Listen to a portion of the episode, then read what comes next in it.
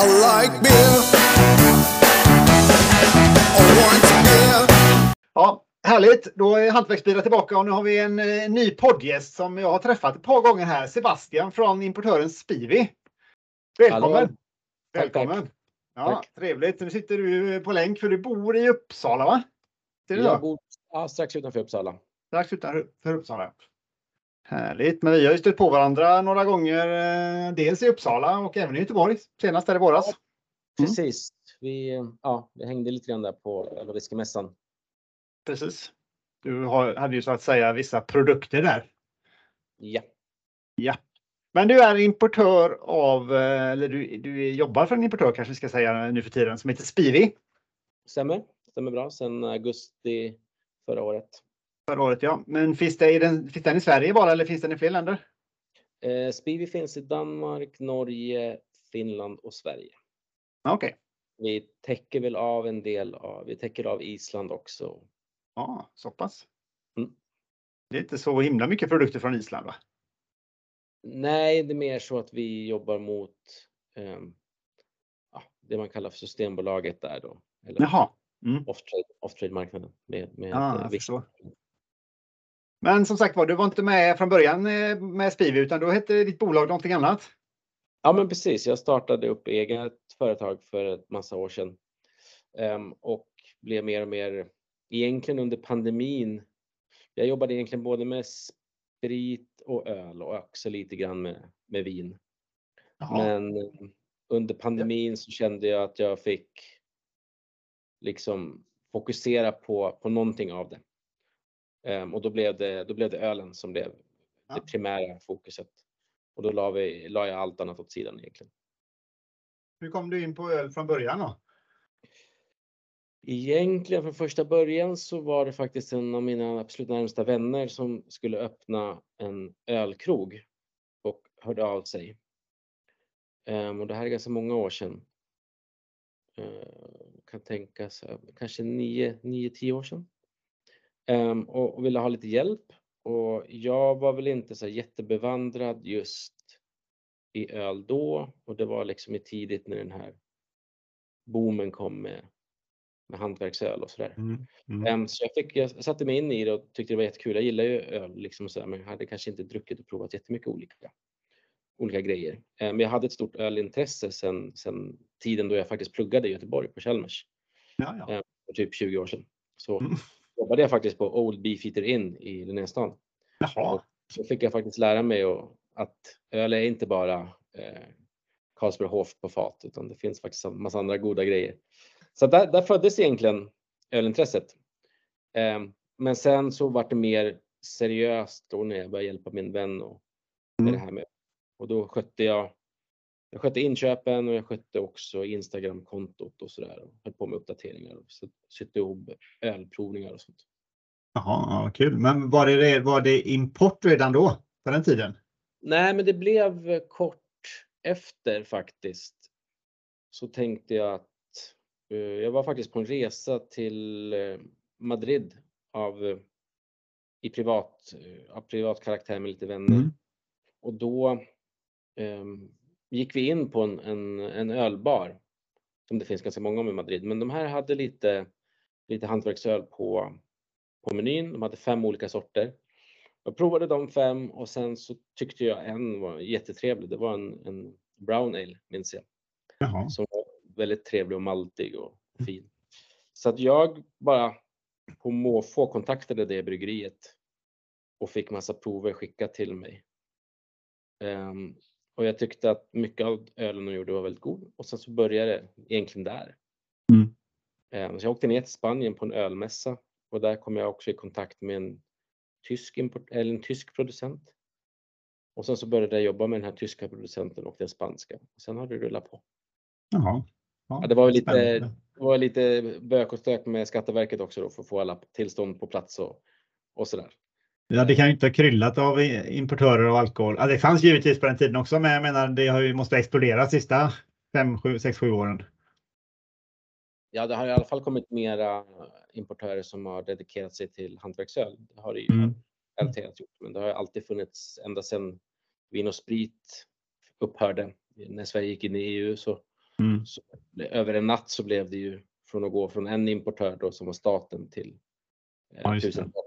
Just, men det har mest varit på vin och spritsidan. Och Men när, och lagersortimentet kanske. ja men precis.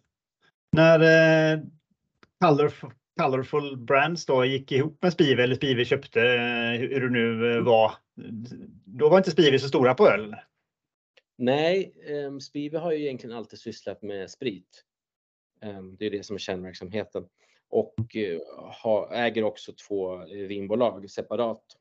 Jaha. Eh, men eh, öl hade de faktiskt lyckats vinna två offerter på Systembolaget, två fasta listningar. Eh, en ljus tysk ekologisk, nej, eh, dansk ekologisk pilsner Mhm. från Tistedt eh, brygghus och det hör ihop med att eh, Spivi grundades just i den byn, Tistedt, så att de Ah. kände, de kände de kände de här eh, bryggeriägarna så de skickade in på den offerten och lyckades vinna den. Kul. Eh, och så vann man också en ljus lager från Indien. Oj då. Och, och så att man eh, Ray då, som är vår VD satt i lite möten med Katarina då som är ansvarig för de här två länderna och kände väl att han inte riktigt hade superkoll på på bärs och vad hon sa och, och det var någon producent med också. Han, ja, han hängde inte riktigt med. Han är ju sprit, har ju spritbakgrund Mm. och är duktig på, på stark sprit och sånt där. Eh, Men öl kände han att oj, här har vi verkligen en, en lucka att, fylla. Ehm, och sen då i samma veva så kände jag att jag behövde göra någonting för att jag vann en hel del offerter på Systembolaget och hamnade i lite cashflow problem när man behövde köpa in stora volymer eh, och ligga upp med pengar och så där. Så att det var mycket, ja men jag fick sitta mycket med banker och så här. Det är inte helt enkelt att låna låna pengar av banken när man inte har, allt är ju digitalt med Systembolaget. Så det blev liksom lite Mm. mycket mitt där. I slutändan fick jag fixa ett inlogg till min bankman så att han kunde logga in på Systembolagets portal som mig och se alla inköpsorder och allt han behövde. Då. Ja. För jag kunde ju bara skriva ut skärmdumpar och sådär. Det finns ju Ja. liksom inga signerade kontrakt på det sättet. Ehm, eh, för att få eh, låna pengar till att, när de Ja, jag förstår. Offerterna som. Eh, Så jag kände att jag behövde göra någonting och det var väl antingen liksom att, skala upp eller gå ihop med någon, någon större. Mm. Och då kontaktade jag Spivi för jag hade en barndomsvän som jobbade där. Ja. Och sen så satt jag och grundaren för Spivi Sverige i några möten. Ehm, och sen så kikade vi lite grann på min budget och sånt där och så, så såg de att det var en hälsosam eh, rörelse. Och sen så bestämde vi då att den 15 augusti så gick vi ihop officiellt. Och så flyttade jag över alla mina varumärken och eh, Spivi köpte över lagret och så fick jag en tjusig titel och så fick jag driva, eh, ja, men driva öl, ölportföljen i Spivi helt enkelt. Så det, det är jag som sitter och, och sköter all, all bärs. Så du har eh, ja, i stort sett liksom eh, fria händer. Ja, alltså det, nu har jag en, en, en, en VD och en styrelse som jag måste svara inför. Absolut. Jag, kan ju inte, alltså jag måste ju, när det är större beslut så måste de ju vara hälsosamma ur ekonomisk eh, aspekt. Em, så att jag kan ju inte göra precis vad jag vill bara för jag känner Nej. för det. Och sen be vår ekonomiansvarig betala fakturorna. Men det måste ju finnas en, en, en bra liksom, genomtänkt grund och eh, presenteras eh, för styrelsen och, Mm. och, och visa sig att det, det är en hälsosam business vi gör. Men annars så har jag väldigt fria händer. Vad, eh, vad, det känns som man bara spontant, det är som jag har kontakt, kom i kontakt med dig för, när vi började, att det var mycket fokus på Belgien. Initialt i alla fall. Ja, ehm, och det har blivit det med, med, med tiden faktiskt.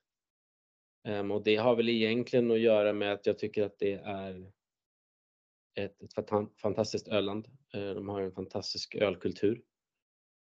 Och det kan vara jättehäftigt och jättehärligt att dricka helt färska New England IPer och, och massa, ja men den här Haze-trenden som Mm. har kommit. Mm. Någonstans så känner jag ändå att efter ett tag så kan man bli lite trött på just det här med humle och de bitarna och då kände jag liksom att jag landar alltid tillbaka i det belgiska någonstans. Och det är många äldre som har druckit öl länge som långt innan det här New England Hazen kom och, och Ja. IPernas intåg. Som också liksom kan tycka att det är gott, men det är ändå liksom kärnan finns någonstans i, i det klassiska och det behöver inte bara vara belgiskt. Det kan vara tjeckiskt för många eller tyskt eller brittiskt. Ja, Eh, precis. och jag är väldigt förtjust i, i framförallt brittisk öl också. Eh, men eh, det har ju varit lite problem med, ja, med Brexit och det också. Det är inte lika Mm. enkelt att importera som det är förut och sådär. Det är lite andra kostnader kring det och ledtider. Så det har gjort att det har blivit eh, mycket fokus på Belgien för det är också så Mm. tillgängligt. Det är så lätt att resa ner och vara där. Och, och sen skrivs det också väldigt mycket offerter på Systembolaget för just belgisk öl. Ja, det gör det. har ju en Ja, trogen, trogen ölpublik i Sverige. ja. Eh, Det finns någonting som har pågått länge och det, det finns liksom volymer att, att ta på, på Systembolaget just, just där. Mm. Um, IPA är, är mycket volym som säljs också men så som Systembolaget är uppbyggt så, så blir det lite enklare skulle jag säga för svenska bryggerier som kan på ett annat sätt förse de här blindprovningarna med riktigt färska ja. eh, Såklart. samples som då liksom givetvis är en stor fördel.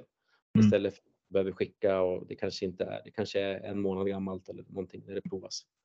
Men som svenska bryggerierna kan verkligen liksom planera och skicka in. Så att, Mm. Sen gör de alltså otroligt bra eh, IPer och sånt i Sverige nu. Det finns ju några som är extremt duktiga. Eh, så att det, det är väl om man kommer in med något amerikanskt och sådär, men då det är dyra frakter och det ska vara kylt och långa ledtider och sådär. Så att jag menar, det är bättre att dricka en, en riktigt färsk bra IPA från Sverige än att dricka någonting från Amerika som är tre, fyra månader gammalt. Men du har haft lite, lite från England och, och USA här nu eh, sommarhösten 23. Absolut. Vi, Ja. nej, men som sagt, vi, vi, vi är med och petar i det mesta när det kommer till, till öl. Ehm, och vi har haft lite, vi hade en jättehärlig och fin, eller tre stycken lanseringar med Mortalis Brewing Company Mm. från, från New York State som har gått bra. Um, otroligt hypat, uh, jättehöga betyg på Untapped. Ja. Är väl mest kända för sina fruited sours eller smoothie sours. Men extremt duktiga på allt humligt och imp stouter också. Ja, det är riktigt, riktigt kul. Men då gäller det att de, att de rackarna går åt hyfsat fort om det är de humliga sak, sak, sak, sakerna då, så inte de blir liggande Ja. så länge. Nej, men men det är sällan något problem. Jag menar, det, det försvinner extremt, extremt fort faktiskt. Ehm, De har, de har koll, ölnördarna ute i Sverige, Ja. som släpps. Ja då. Men nu när du ändå nämnde Antapp där. eh, En del tycker liksom Antapp, det vad fan är det för någonting? eh, Eller alla vet ju vad det är, men hur det används på eh, vissa sätt och liksom att det är bara Antapp som gäller. Och det, det är ju både bra och dåligt det där kan man tycka ibland. För en fantastisk stilren pilsner kanske kommer ju aldrig få en 4,5 på Antapp. Nej, eh, nej men så är det ju såklart. Eh, det, gynnar ju, det gynnar ju lite mer alkoholstarka öl som är mer smakrika. Mm. eh, på så sätt. Det, det är ju bara att kolla egentligen om man, om man återigen kollar på IPer och sånt där så, så ser man ju att det som är högst är ju oftast dubbel-IPerna och, Mm. och trippel-IPerna. Även om, även om kanske vanliga standard-IPan på 7% är kanske en bättre öl så får den ju sällan högre betyg. Ehm, så det blir lite grann så när man lämnar över betygsättande till, till vanliga lekmän eller vad man ska säga. Ehm, men eh, ehm, det har ju blivit en väldigt stor och viktig faktor för, för branschen och också för positioner där som jag sitter i och köper in och också när jag ska försöka sälja till och argumentera för lanseringar med system, Systembolaget. Mm.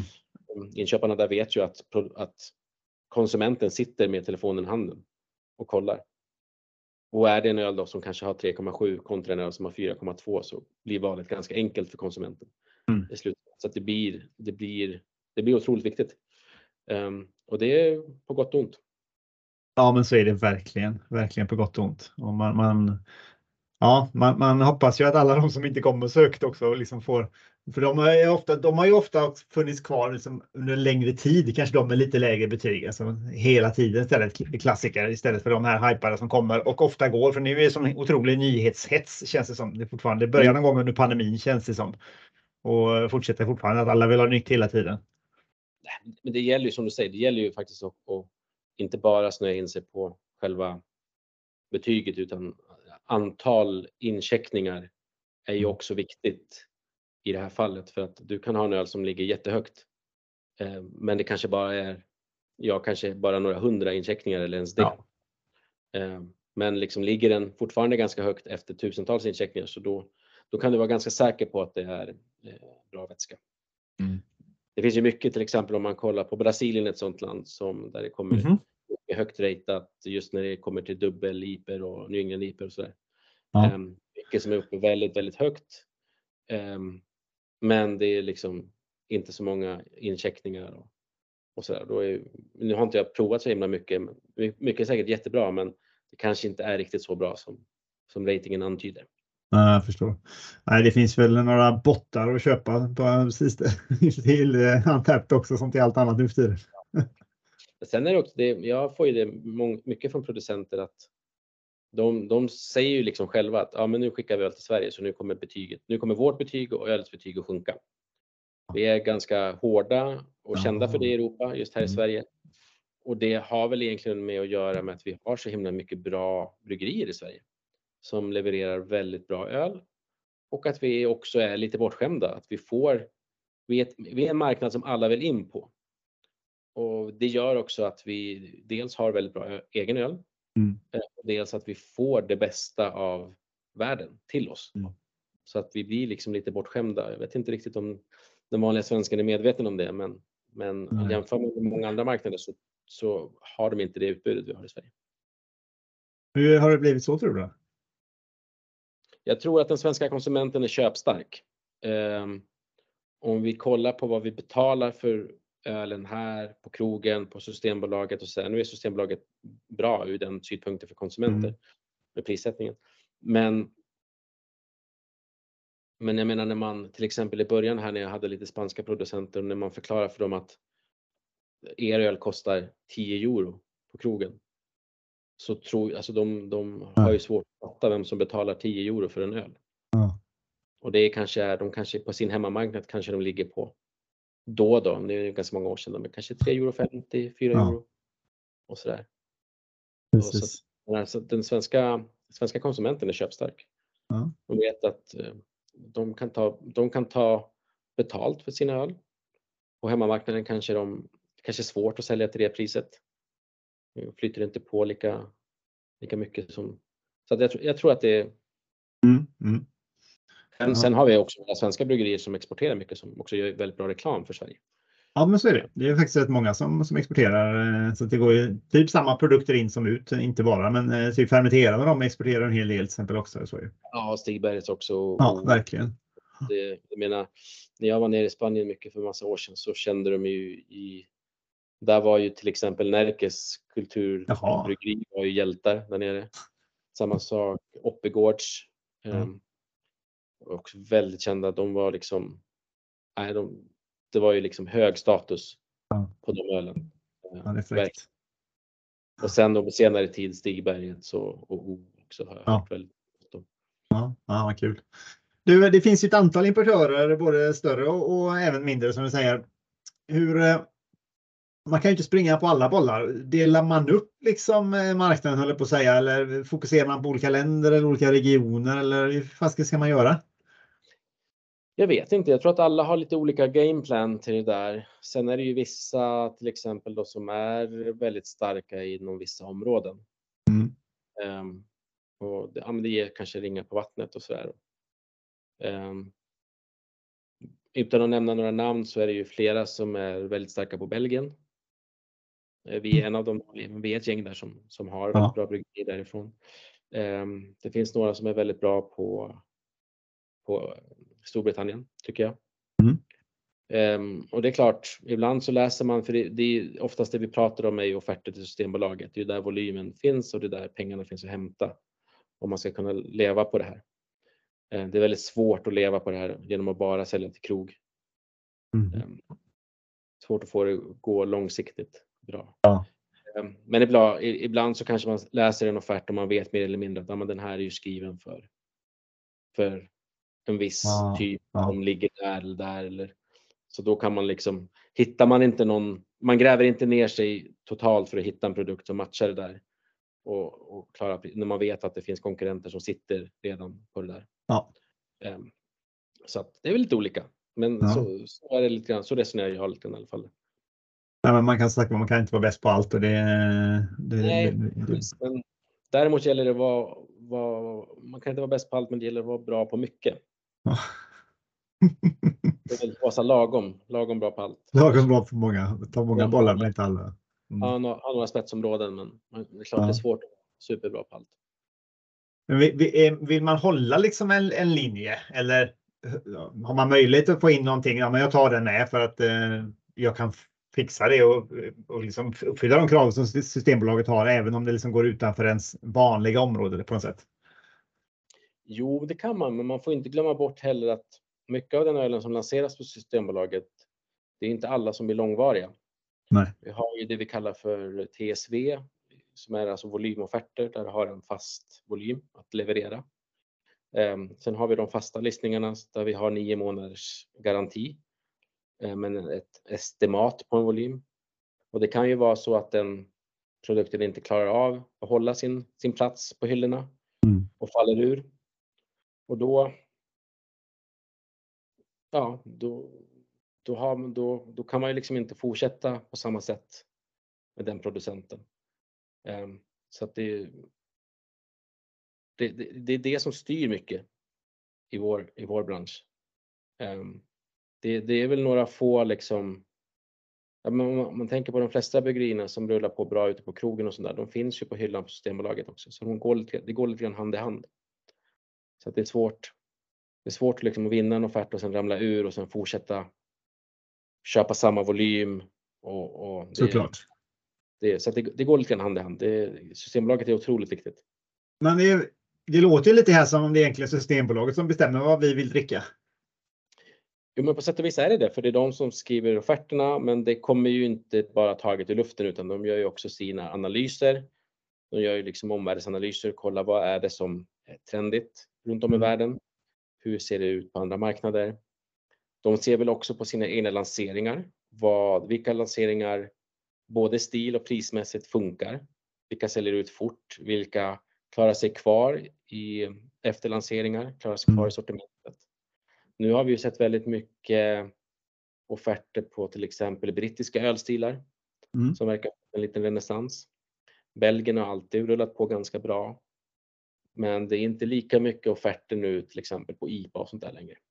Nej, det Det börjar komma lite mer på, vi har sett ett par stycken nu på, på Kellerbier och Landbier, alltså ofiltrerad lager som börjar komma tillbaka lite grann. Um, opastöriserad tjeckisk lager har kommit en del på sista tiden också. Så att det är liksom, de, de scoutar väl och känner av marknaden och kollar vad konsumenterna vill ha. Sen är det ju, sen är det ju fortfarande IPA som tåget. Ja, ja, ja. Mm. Så. Men, men vad, eh, hur långt i förväg, om, om de skickar ut, kommer ut en offert nu då, n- när ska den lanseras de grejerna i tanken då? Hur långt, eh, Eh. långt fram är det? Jag kan ju kika på de som vi eh, kik, kollar på nu. Senaste rundan vi fick här, det var ju en sån här volymoffert då, som vi fick i oktober. Okej. Vi får de offerterna den sista torsdagen varje månad, förutom juli månad då vi har semestertider i Sverige.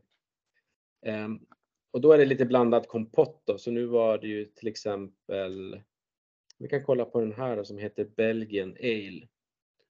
Ehm, där är ju någonting som vi givetvis kommer vara med på eftersom vi då är ganska starka på Belgien. Ja. Och då ehm, fick vi den här sista torsdagen i oktober och vi måste registrera den här offerten innan den 17 december.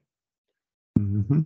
Sen har man en månad ungefär på sig sen att få in eh, proverna då om man får kallelse till det. Mhm. Och sen så har vi lansering i andra halvan av maj. Eller Mm. juni. Det är flera köp på den här så de har spridit ut datumen lite grann. Men den första lanseringen är 24 maj och sen är det en sista maj och sen är det en i juni. Så det, är ungefär, det brukar vara ungefär de, de tiderna. Så det är rätt så lång ledtid kan man säga. Ja, nej, men det är det. Och det är liksom det. Är, en, annan, ett annat bra exempel som många säkert känner till är ju att, att Systembolaget provar ju julölen brukar de ju prova under våren Ehm, och det, det är också för att det, det, det behövs, liksom, de, de ledtiderna behövs för att få ihop allt. Det måste vara svårt för bryggerierna liksom att matcha Systembolagets ledtider och de utländska måste ju vara fullständigt oförstående. Vad är det för konstigt Ja, liksom? de, de kan nog ändå förstå ett tidsspannet, att det behöver vara Okej. så. Det är svårt att... Jag menar, de flesta släpper väl sina julöl under november månad, kan jag tänka mig. Och det förstår väl vem som helst att det är svårt att ha en offertprovning i november månad och sen ska den släppas Ja. Kort därpå. Och sen är det ju ganska stora volymer då med Systembolaget. Mm. Så att det tar ju ändå en tre veckor att brygga en, en, en öl. Ja, visst. Jag tror att de, de kan förstå det tidsspannet. Eh, Men sen vet jag att det är många svenska bryggerier som, ja, men som, som brygger någonting för en juloffert och så vinner man inte det så kanske man kallar den för någonting annat och säljer ut den. Det kan ju vara till exempelvis en, en mörklager Mm. som man kan göra en, en ja, men, sätta ett julnamn på och så där. Så vinner man inte den, då har man massa mörklager, men då kan, då kan man sälja ut den som någonting annat, som, som en mörklager med ett annat namn då, som inte har en Ja. julanknytning. Till exempel. Man får, man får en plan B helt enkelt. Man får vara lite kreativ. Ja. Det tror jag att de är ytterst kreativa nu, nu för att få det att gå runt. Ja, det måste man vara. Ja. Men du som en, som en utomstående då, så kan man ju tro att man, eh, fan, men all den här dyra ölen som säljs på Systembolaget, de här eh, amerikanarna som du pratar om till exempel här, måste ju importören tjäna hur mycket pengar som helst på de här. Mm. Och, eh, och så, så kan jag tänka mig att det kanske inte är så egentligen.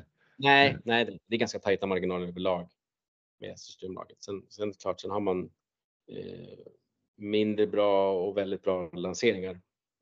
Eh, men det är volymen som gör det hela intressant. Det är ett volymspel alltid. Eh, men om du tänker på USA till exempel så har man ju du har en väldigt dyr frakt över, Mm. eh, över Atlanten som Såklart. ska vara kyld då, framförallt om det är humliga Mm. öl. Ehm, man får inte glömma bort att vi har eh, 25% moms på allt i Sverige som inte är mat då. Så jag menar, ligger ölen på en hundring, då är ju 20 spänn, en femtedel är ju, är ju moms bara. Mm. Eh, sen har Systembolaget sin marginal som för nuvarande ligger på 14,7 procent. Okej. Och sen har de även ett fast påslag på varje burk. Och sen har vi en relativt hög alkoholskatt i Sverige Mm. också. Em, som är ganska lätt att, att, att räkna ut. Så det kan man ju själv fundera på när man köper en öl. Det är mängden, volymen öl i liter gånger alkoholhalten i procent då. Gånger en faktor som är 2,28 från och med årsskiftet. Ja, Så att, eh, om man kollar på allas favorit här, 5-procentiga långburken med, med starköl, makrolager, Ja. så har man 5 gånger 0,5 gånger 2,28. Då har man 5,7 kronor i skatt på en burk då som kanske kostar, jag vet inte vad de där ligger på, jag köper dem sällan, men eh, Nej, man gör ju sällan det. 100 kronor kanske? Vad sa du? De ligger på 14-15 kronor. Ja, det tror jag nog är rimligt faktiskt. Så tar Ja. man, bort, liksom, tar man bort momsen från det, tar man bort alkoholskatten, tar man bort Systembolagets marginal på 14,7 procent. Så får man räkna lite transportkostnader också. De ska ju fraktas från bryggeriet upp till Kiruna eller ner till Lund. Och, Precis. Att det är många bäckar små. Det är en eh, lågmarginalbransch, det hör man helt klart. Ja, framförallt på makrolager är det ju Ja, väldigt ja, Absolut. Ja, men då Men- Ja, även om man, om man kollar på en, en, en dubbel-IPA från USA för hundringen så, så, så kostar ju ölen kostar ju en del att köpa in och sen är det transporter som tar Mm. mycket. Eh, logistiken i Sverige, och alkoholskatt och Systembolaget och moms. Mm. Så, Men är det så att man generellt tjänar lite, lite mer på de som är eh, högre alkoholhalt? Tänker, Är det liksom lättare att ta ett högre pris på dem på något sätt? Men det, det styr ju inte ni själva ändå kanske. ja, alltså på sätt och vis. Alltså när det kommer offertförfrågningar från Systembolaget så är det inte vi som sätter priset utan det är Systembolaget som sätter priset. Enda gången vi sätter priset är ju när vi spelar in för exklusiva sortimentet eller när vi lägger i beställningssortimentet. Där kan ju vi välja pris själva.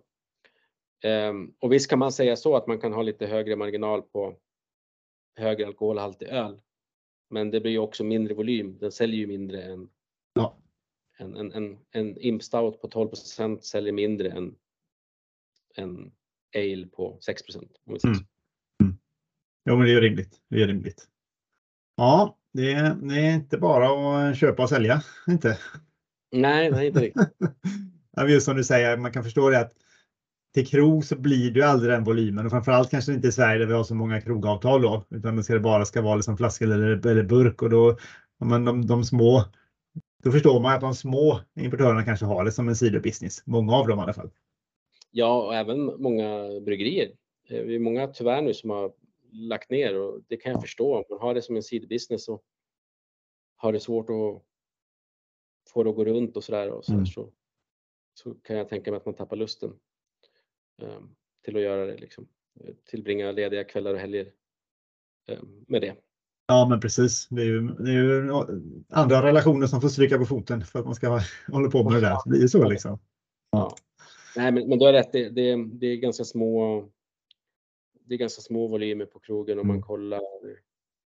Jag vet att vi har i, i min i min portfölj så har jag eh, 87% av min omsättning är Systembolaget. Det så Och pass 13 mycket. är, är Mm. krogar. Mm. Så det är en, en liten del. Ja, ja, men verkligen. var den högre än vad jag trodde faktiskt. Jag trodde den skulle vara lägre. Ja. Men så att jag menar. Det, och det, det blir också lite grann så det, det, det, man, det man tar med producenten hela tiden. Som kanske är svårt att förstå för dem för att de har inte det systemet vi har i Sverige, Norge och Finland.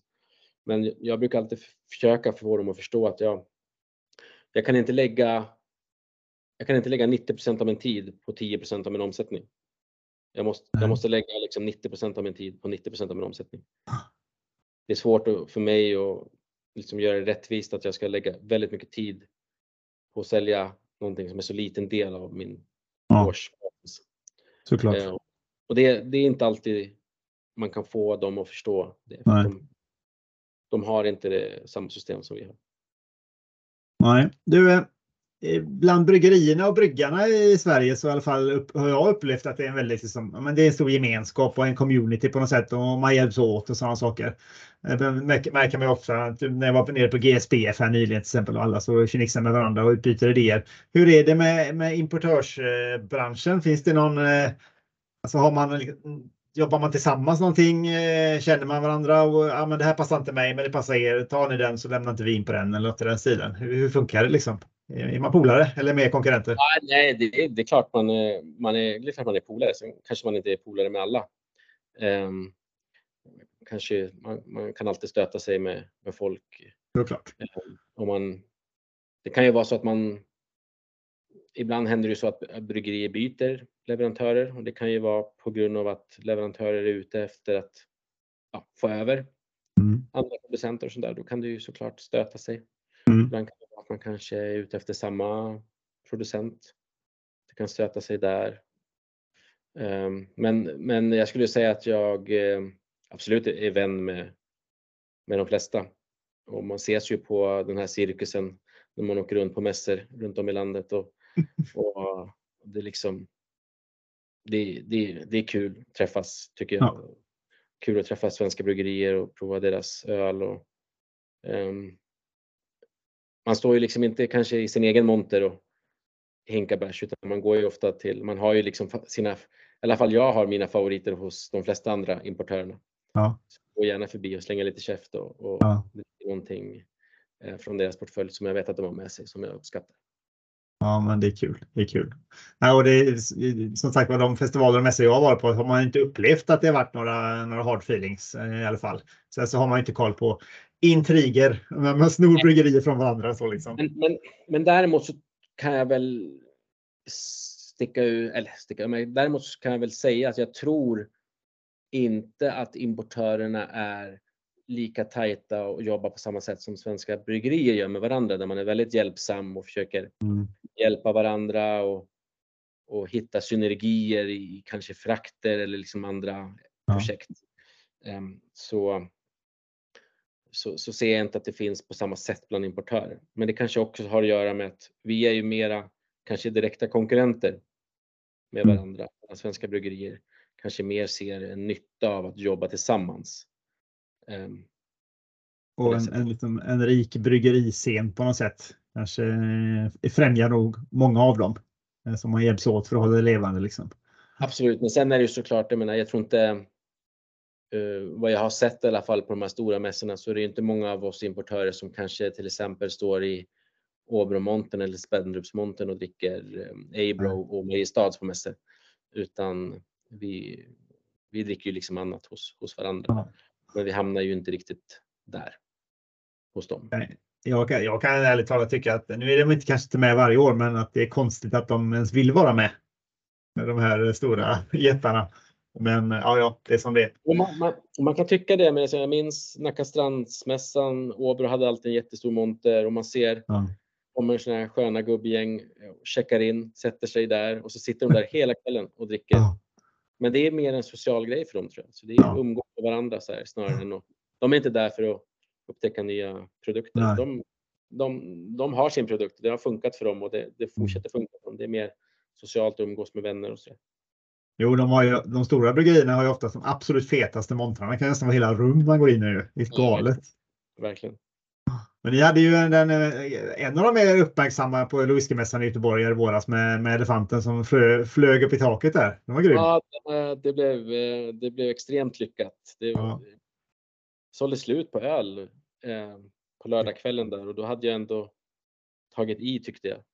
Mm. Eh, men det var ju vår vän uppe i himlen där, elefanten, som, som drog mycket folk till oss. Jag tror det. Jag tror det. Ja, nej, men det var helt, det var helt galet. Det var sjukt faktiskt. Det var, Ja.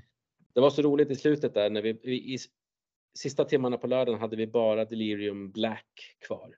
Ja. Och det är en 11,5 procentig mörk belgisk ale som är lagrad på bourbonfat i nio månader. Och, och det kom fram folk och bara sa så här, ah, vad, vad har ni? Så här, "Ah, men vi har bara den här. Ah, vi gillar lager. Nej, men det här är så långt från lager det kan komma typ. Ja. Ja, skitsamma, vi vill prova det ändå. Och sen. det var liksom så här, Ja. jag inte, det var bara att de, det var så mycket folk vid Åmål hela tiden så folk ville bara komma Ja. dit bara för, bara för att provas för att alla andra var på något sätt. Så att det var, Ja. det var en rolig upplevelse. ja, ni fick slita där i den, eh, i den baren. Verkligen. Ja, alltså. Jag, Herregud. jag jobbade väl kanske inte ihjäl mig riktigt, men jag var, Nej, men de, de är invigda personer. ja, jag hade en exportchef på besök på fredagen och sen just det. hjälpte jag till lite grann. Men det var mer, mer att ha lite koll på, vi hade ju ganska många montrar på mässan, så det var inte bara öl. Men ni hade också lite sån här masterclass, alltså lite provning på, på mässan i Göteborg också. Som, jag var med på den, tycker den var väldigt, väldigt lyckad och ja, det var jättekul Ja. faktiskt. Precis, vi hade, vi hade en, en, deliriumprovning. Ehm, och vi håller väl på att sy ihop någonting nu till nästa år också. Mm. Ehm, där vi, jag tror att vi kommer försöka utöka antalet provningar om vi får för, för mässan såklart. Ehm, men vår plan är väl kanske ha, vi kommer ha större monter och vi kommer ha mera bryggerier. Ehm, Vi kommer inte ändra på den vi hade. Deliriummontern kommer komma tillbaka i samma utformning typ. Men vi kommer ha en, en grannmonter och vi kommer kanske försöka få till någon speed tasting också på lite belgiskt där man kan lära sig prova lite olika belgiska stilar, få lite mer bredd. Men ändå snabbt, inte så, så nördigt, kanske djupt. Ehm, och sen så kanske vi kommer ha eh, någon extra provning som är lite mer som den du var på där man sitter en timme Mm. eh, med, med en provningsledare.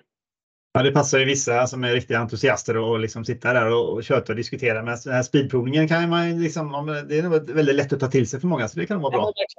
Jag tror att det kan vara 20 minuter och då kan man prova kanske fem olika belgiska ölstilar som Ja. skiljer sig jättemycket och så kan man få en, en liten bredare syn på vad belgisk öl Mm. är. Mm. Så jag Ja, tror tror att det vara ett kul inspel. Ja, verkligen.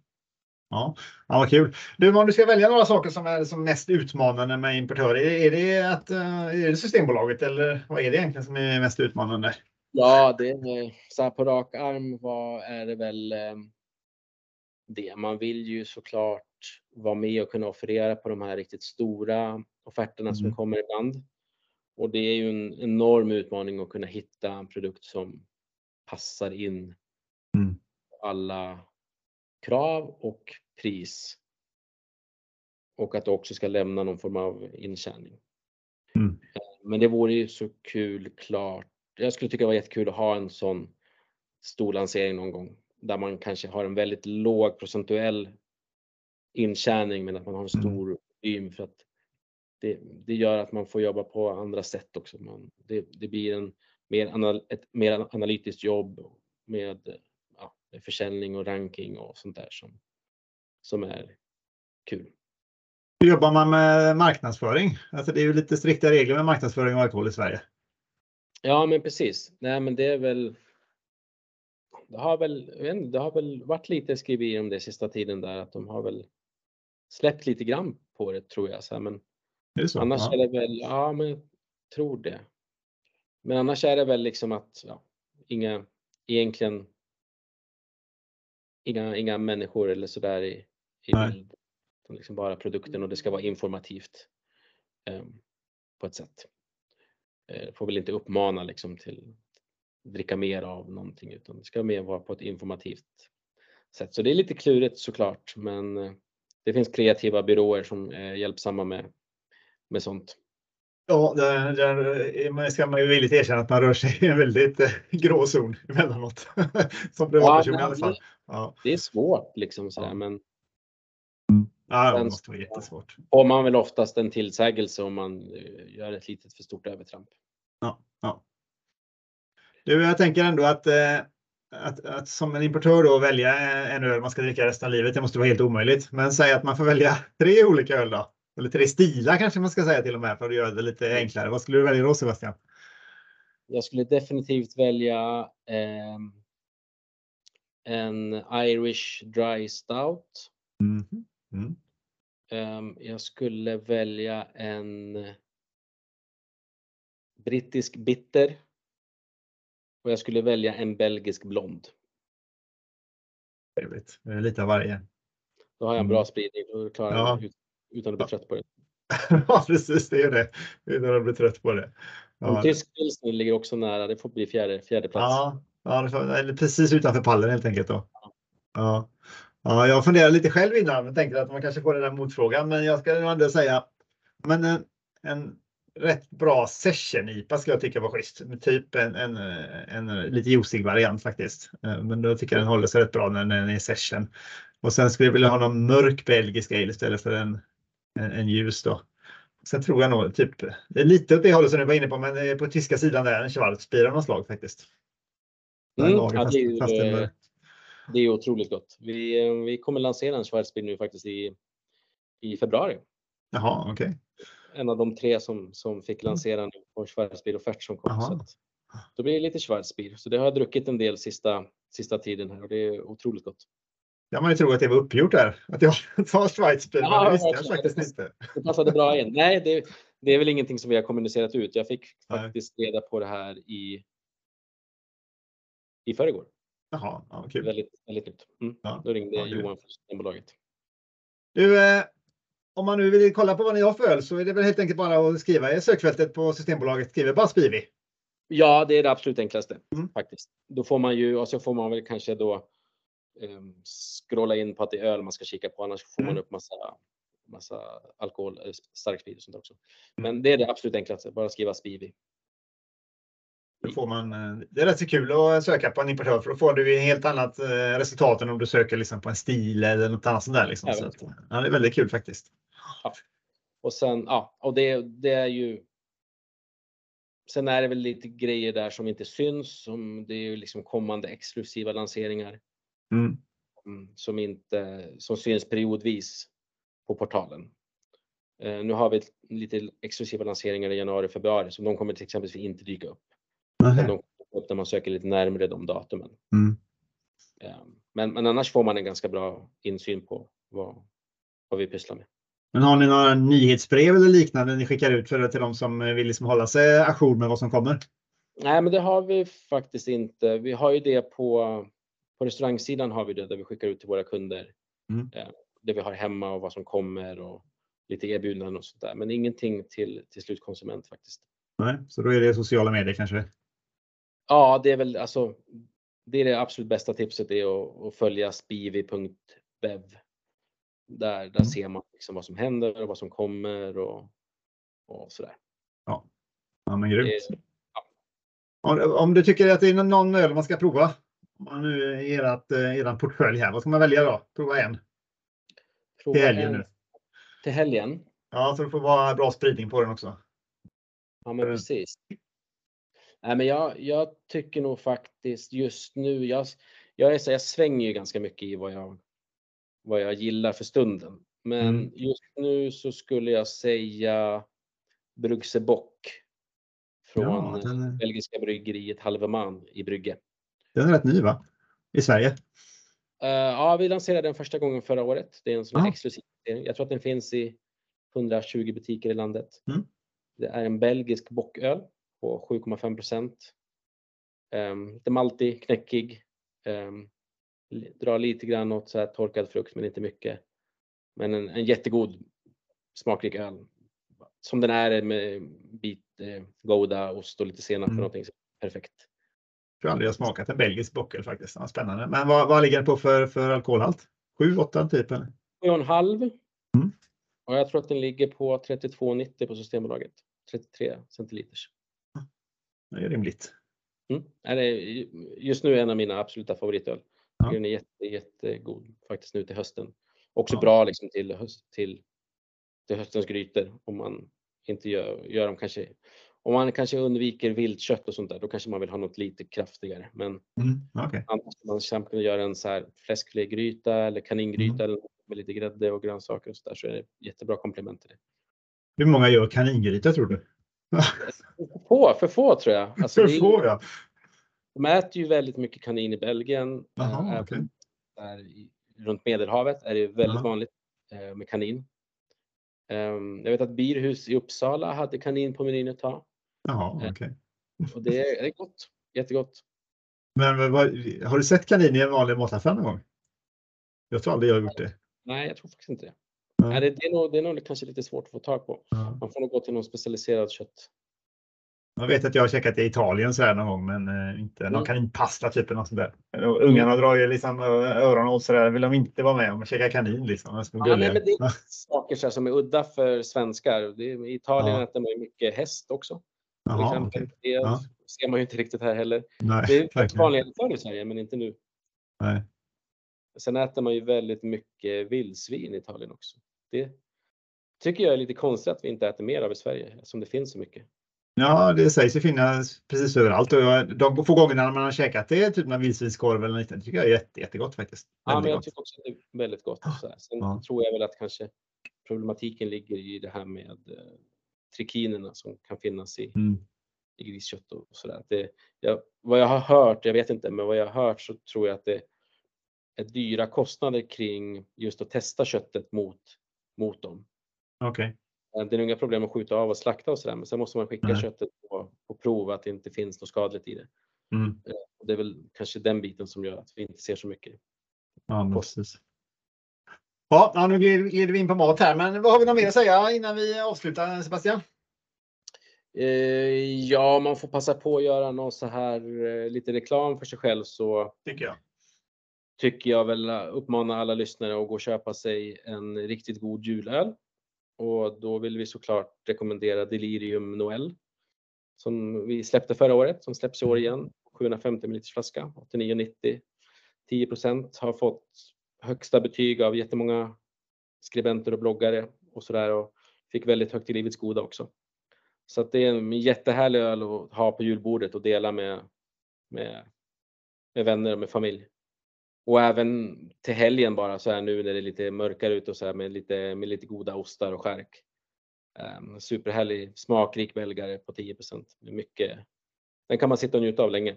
Ja, det kan man. Och den är snygg att ställa fram också på, på julbordet. Ja, den är läcker faktiskt. Ja, det är den faktiskt. Riktigt, riktigt Mm. trevlig. Det är ju, nu i år har vi ju eh, eh, elefanter som åker skidor på etiketten. Ja, alltså det är olika etiketter varje Ja. år där. Det finns tre, det finns tre olika etiketter till den. Okej. Förra året hade vi elefanter som åker skridskor. I år har vi elefanter som åker skidor. Och jag antar att vi nästa år har elefanter som åker kälke. Så har vi betat av alla, alla tre eh, etiketterna. Vill man veta mer om, om Delirium-bryggeriet där som inte heter Del- Delirium egentligen då, så kan man ju lyssna in någon av de tidigare poddarna här med, med Mauro faktiskt från Pilsner.nu när vi Mm. snackade Del- Delirium en hel timme med honom. Så att, eh, man få lite mer insikt i det. Men eh, tusen tack Sebastian för att du tog dig tid och tjöta lite med mig. Tusen tack! Tusen tack. I want.